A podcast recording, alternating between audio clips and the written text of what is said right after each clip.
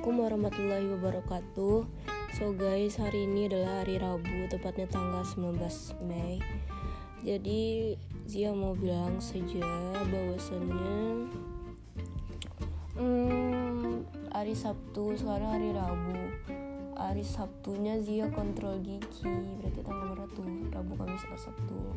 Berarti tanggal 22 Yeay terima kasih. Assalamualaikum warahmatullahi wabarakatuh